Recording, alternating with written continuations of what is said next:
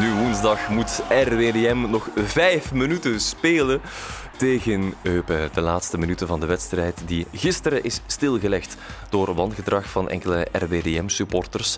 Op dat moment stond het 0-1 voor Eupen.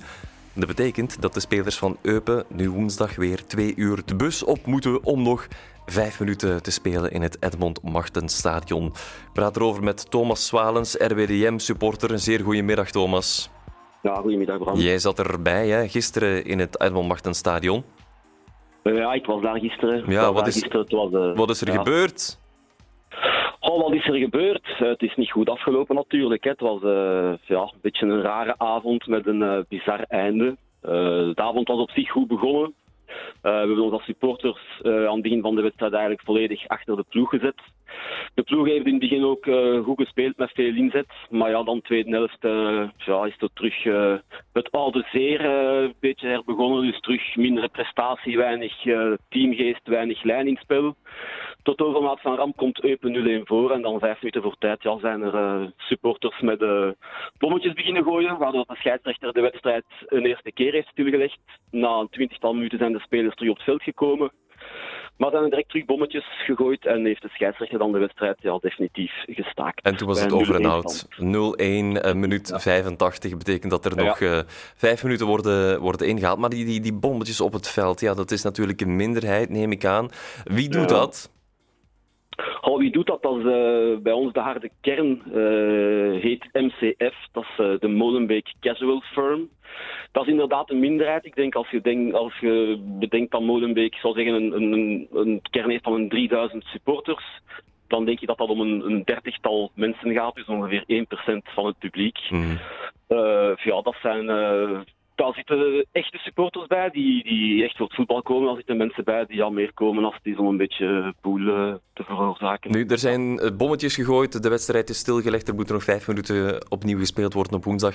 Nu, maar waarom doet die harde kern dat, die, die wedstrijd verstoren? Is er dan zoveel onvrede op dit moment en, en waarom is die er? Onvrede. Uh, er zijn een aantal zaken. Ja, we hebben het gevoel als supporter dat we onze ziel helemaal kwijt zijn. Dus dat het DNA van RWDM dat dat uh, verdwenen is. Eigenlijk is het dat? Identiteit. Alles... alles draait om identiteit. Ja, de identiteit, ja, wat er uh, bij de vorige voorzitter Thierry Dailly wel was, uh, is er niet meer.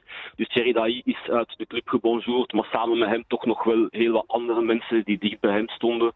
Dat heeft dan minder de pers gehaald. De trainer, Vincent Uvraar, is net voor het begin van de competitie ontslagen, maar dat is niet alleen de trainer, dat is dan ook de keepertrainer Bergmans, uh, Fred Tilmont, de assistent-trainer, dus mensen met het echte DNA van RWDM. Uh, supporters zijn ook ontevreden over het uh, aankoopbeleid, als je dat zo kan noemen.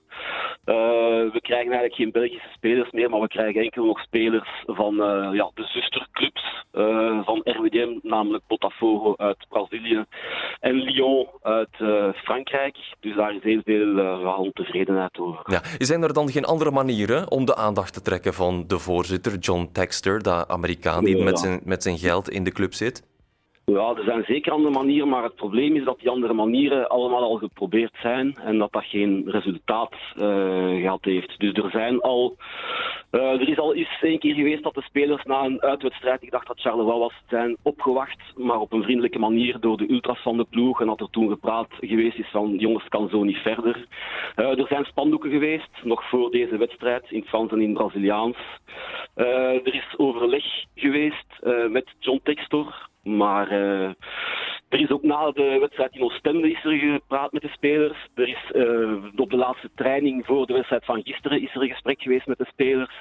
Maar de supporters hebben het gevoel uh, dat allemaal niks uitmaakt en dat ze eigenlijk niet gehoord worden. Mm. Dus het is een, een, redelijk strafmiddel, maar de supporters hebben, ja, of die supporters hebben geoordeeld dat dat ja, de manier was om toch gehoord te worden, want de vorige manieren hebben blijkbaar niks, uh, niks uitgehaald. Hey, Thomas, ik hoor je ergens zeggen van um, de manier waarop dat er gisteren is gereageerd is misschien niet de manier, maar ergens anders hoor ik wel begrip in jouw stem voor de, de, ja. uh, de onvrede waarmee ja. de supporters van RWDM op dit moment zitten met ja, het verlies ja. van identiteit, tegenvallende resultaten.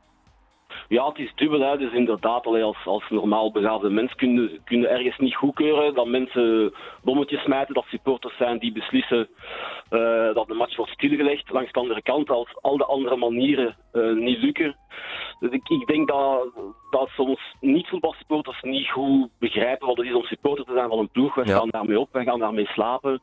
Dat is, is bijvoorbeeld, ik lees in, in, in de krant vandaag, voetbalcommentator Peter van de Bemt, die zegt dat de harde kern denkt dat zij de club zijn en de spelers een schande zijn voor het embleem, maar suggereert dan ook toch eerder dat het de supporters zijn die een schande waren voor de club. Daar ben jij het dan niet mee eens? Ja, nee, daar ben ik het niet mee eens. Peter van den Bemt is iemand, als, die, die weet ook niet van waar wij komen. Uh, wij komen van, van niks terug, van op het vijfde niveau. We hebben ons terug naar boven geknokt.